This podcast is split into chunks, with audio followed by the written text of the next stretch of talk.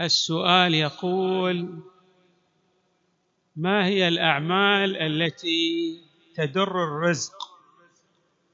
في الحقيقة هذا يمكن أن يكون سؤال ويمكن أن يكون طلب لتبيان الأعمال التي توسع في الرزق.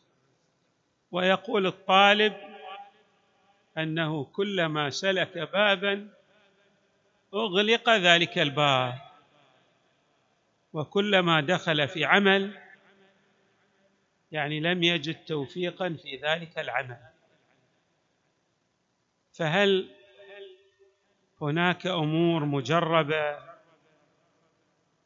تغير الحال؟ نعم هناك أمور مجربة وكثيرة وقد وردت في القرآن الكريم وكذلك في الروايات الواردة عن المصطفى صلى الله عليه وآله والأئمة من أهل البيت كثيرة جدا. يعني ليس يعني لم يرد فقط عمل واحد أو اثنان أو ثلاثة أو عشرة كثيرة جدا. وحبذا أن يأخذ المؤمن ببعض هذه الأعمال من أجل التوفيق والسعة في الرزق وهي من المجربات. والمعاكسة لهذه الأعمال أيضا مجربة. يعني الإنسان على حد تعبيري أنا لو طار بطائر نفاذة وقد خالف هذه الأمور حتى لو بدأ أنه موفق في بداية حياته الله يسلبه التوفيق في نهاية حياته. إذا لم يلتفت إلى هذه الأمور يعني الله تبارك وتعالى حكيم وبيده ملكوت السماوات والأرض. فعلينا أن نلتفت لهذه الأمور التي توجب السعة في الرزق. سأذكر بعضا من هذه الأعمال. العمل الأول بر الوالدين. كثير من الناس ما يدري ما يعلم فتجده مثلا يفعل المستحيل بينما بإمكانه أن يسلك طريقا سهلا ويوسع الله عليه في رزقه. ويوفق حتى بعض الطلاب مثلا تجده يبذل المستحيل ولكنه لا يوفق لا في دراسته ولا في عمله ولا في وظيفته. ويرجع السبب في ذلك إلى عدم بره لوالديه. لننتبه. قد واحد ما عنده يقول أنا الوالد والوالدة مات بر الوالدين لا يرتبط بالوالدين الأحياء. حتى إذا مات الوالد والوالدة بالإمكان أن تفعل لهما من الأعمال الطيبة والصالحة ويؤثر ذلك تاثيرا بالغا وكبيرا في السعة في الرزق والتوفيق. تنقلب لك الأمور. يعني ممكن أن أعبر لكم. كأنك تمتلك عصا موسى. تفعل بها ما تشاء.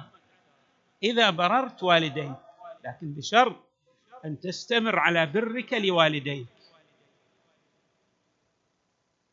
الآن أريد أن أشير لكم مثلا بآية من القرآن الكريم يفهم منها هذا الأمر وهي قوله تعالى أن اشكر لي ولوالديك إلي المصير.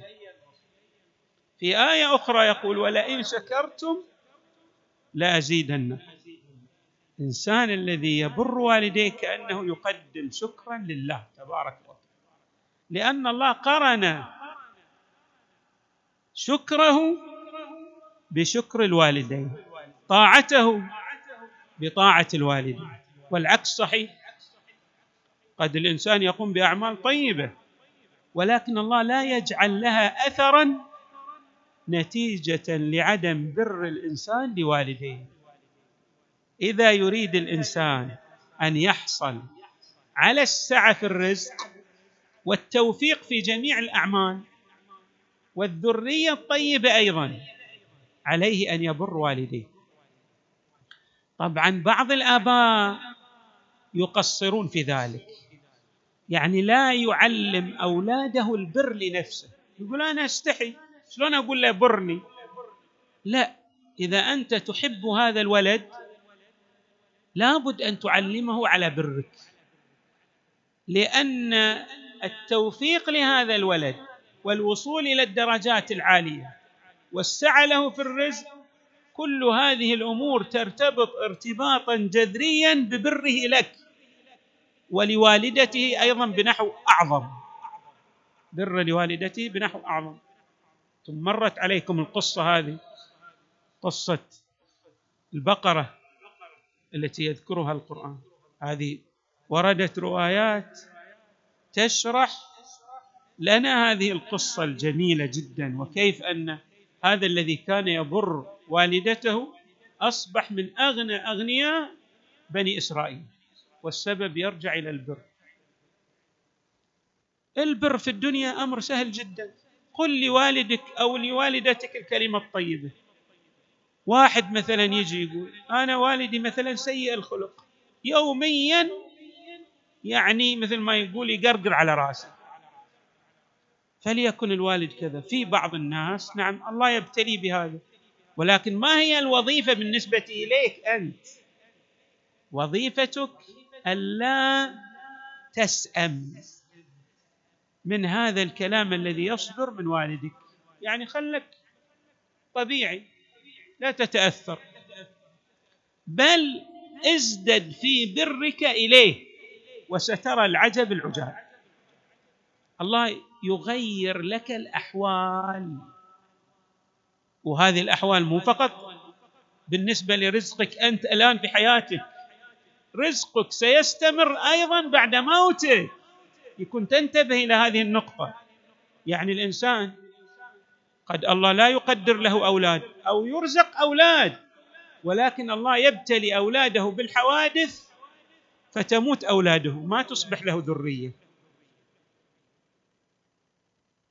لكنه إذا بر والديه الله مو فقط يرزقه الذرية يجعل هذه الذرية بارة وطيبة وأيضا بعد موته تقوم بأعمال صالحة وطيبة ترجع إلى هذا الوالد. فإذا من الأمور الهامة علينا إذا أردنا السعة في الرزق أن نبر الوالدين. هذا يعني أنا عبرت عنه بعصا موسى ويمكن أن أعبر عنه بالسحر الحلال. الذي يريد السعة في الرزق والتوفيق والذكر الحميد حتى بعد موته والخيرات بعد موته فليبر والديه. وحتى إذا كان الوالد والوالدة من سيء الأخلاق. يعني مثل ما عبرنا دائما هو يعيش حالة من السأم والكلام الكثير مع الولد. لا لا يتأثر الولد بذلك. عليه ماذا؟ أن يبر هذا الوالد أو تلك الوالدة حتى إذا كان بالخصوص بعض مثلا الآباء قد يكون يعني كبير في سنه أو أصيب بالزهايمر فتصدر من كلمات يعني مو في هو أو مو في عقله. فيسأم بعض الأولاد.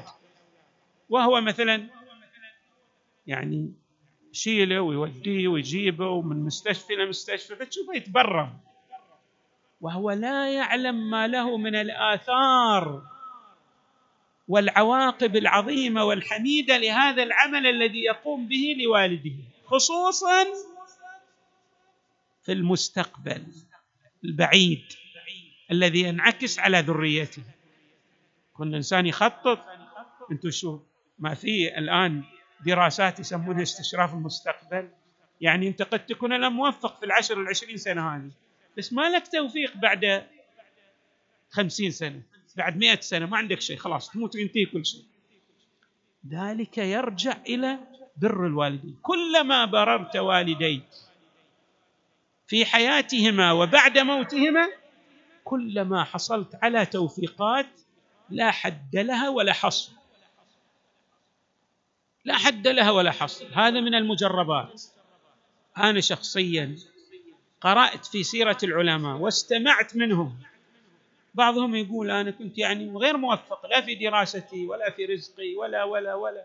وكانت الأمور أشبه يعني بال كما يعبر هذا الطالب أو السائل في بداية الأمر. كل شيء مغلق. يقول فبدأت في بري لوالدي. فانعكست الأمور. صار كل شيء أضع يدي مثلا فيه. حتى لو كان غير موفق الله تبارك وتعالى يصيره ماذا؟ في صالحه. وبعض العلماء مر عليكم. وقد ذكرت في كتب التراجم. يعني وصل إلى مقامات كبيرة وعظيمة من العلم. وله المؤلفات الكثيرة. وهذه الاستفادة ستبقى يعني إلى يوم القيامة. ويرجع ذلك إلى بر الوالدين. كن ننتبه خصوصا بر الأم. كن ننتبه لهذا بين قوسين أهم من بر الأب. أهم. يعني بر الأب واجد مهم بس بر الأم أهم. وطبعا بعض الأمهات مثلا قد تكون مثلا مقعدة. مثل ما نعبر. تحتاج إلى عناية فائقة جدا. ولكن في هذه الأيام الإنسان يعني خصوصا إذا كان مجموعة من الأخوة بإمكانهم التعاون كل واحد بمبلغ بسيط خدامة وهم زيارة بسيطة لها مثلا في كل ليلة جلوس معها إضحاكها مثلا ببعض الكلمات الطيبة. هذا كم له من التأثير؟ ويرجع بالخير العميم. وأذكر أكثر من مرة الإنسان الخير لا يتعلق به فقط في حياته. بعد موته سيحصل على ذرية طيبة. أما إذا لم يبر حتى إذا عنده ذرية الآن في حياته من المعادلات الغيبية تنقرض ذريته. ما تصير له ذرية طيبة. نتيجة لعدم بره لوالديه فيكون ننتبه أن السعة في الرزق تأتي من الباب القريب جدا. هذا هو يمك يمك. برك لأبويك. لأمك ولأبيك بالخصوص لأمك. طبعا أنا أؤكد على هذا الأمر لأن أكدت عليه الروايات وهذا في زيادة في الرزق في توفيق في إنساء في الأجل يعني إطالة في العمر في خيرات لا حد لها ولا حصر. يعجز الإنسان لو أراد أن يتحدث فيها يعني يمكن أن يؤلف فيها موسوعة. موسوعة موسوعة من عشره مجلدات يذكر فيها القصص والآثار والأشياء التي لا حد لها ولا حصر. طيب اذا حري بنا أن نلتفت إلى مسألة بر الوالدين إذا أردنا السعة في الرزق. واحد يريد سعة في الرزق؟ الأمور المغلقة المقفلة يفتحها الله إليه بس يبدأ ببره لوالديه. في الحياة الدنيا واضح البر. في الآخرة مات ال يعني الأب والأم. تصدق عنهم؟ في كل يوم أنت تدفع صدقة ريال قل هذا الريال عني وعن والدي وعن جدي وعن جدتي وعن أجدادي وجداتي وعن جميع المؤمنين والمؤمنات. تحصل الله لطيف. واسع الفضل. وأسع الكرم. يعطيك. إذا سلكت هذا الطريق طريق البر. اذا عندك الصدقة. عندك صلوات وأذكار. ممكن أن تصلي مثلا صلاة جعفر. تهدي صلاة جعفر لأبيك أو لأمك. بعد موتهما وستحصل. أحد طلبة العلم هو حدثني بنفسه. يقول لم يبقى طبيب لم أذهب إليه. ما عندي مشكلة. قالوا ما عندك مشكلة يعني ما أنجب أطفال. تأخر في الإنجاب. يقول سنوات طويلة ما عندي إنجاب. كل ما أذهب يقول تحاليلك كل شيء سليم ما عندك أي مشكلة. يقول في يوم من الأيام الله تبارك وتعالى هيأ لي طريق. شفت أحد الصالحين. قال لي ما عندك شك شيء بسيط جدا. كل يوم مثلا في الأسبوع صل مرة صلاة جعفر قال هو قال لي يقول هداني أرشدني إلى بر والدي. قال لي بر والدك إذا موجود. قلت له والله والدي ميت. قال سهل. صلى صلاة جعفر في الأسبوع مرة. يقول فأنا قمت كل يوم كل ضحى في ضحى كل جمعة يعني قبل صلاة الظهر التزمت بصلاة جعفر وأهدي ثواب هذه الصلاة لوالدي. يقول سبحان الله. يقول ما مرت إلا يمكن ثلاثة أو أربع شهور رأيت والدي في المنام. قال لي قال لي يقول والدي جزاك الله عني خير الجزاء وشكر الله سعيك وزوجتك حبلى بولد صالح بعد شوفوا التوفيق. يعني يعني هالولد هذا هم سيكون بارا. شوف كم توفيق حصل له. بعمل بسيط جدا. يعني كيف؟ هذا العمل كم يقوم به؟ في, في يوم الجمعة يعني نصف ساعة كلفة. نصف ساعة. قد واحد يذهب في كل يوم يشتغل عشر ساعات ولا يحصل على هذا. وكم هو صرف من الأموال وما حصل نتيجة. بس قام بهذا العمل البسيط. ثلاثة شهور يقول أو أربعة أشهر وحصل على هذه النتيجة الطيبة. يقول وهكذا جاءته الأولاد يعني جاءه أولاد صالحون ذرية طيبة. بسبب بره لوالده المتوفي.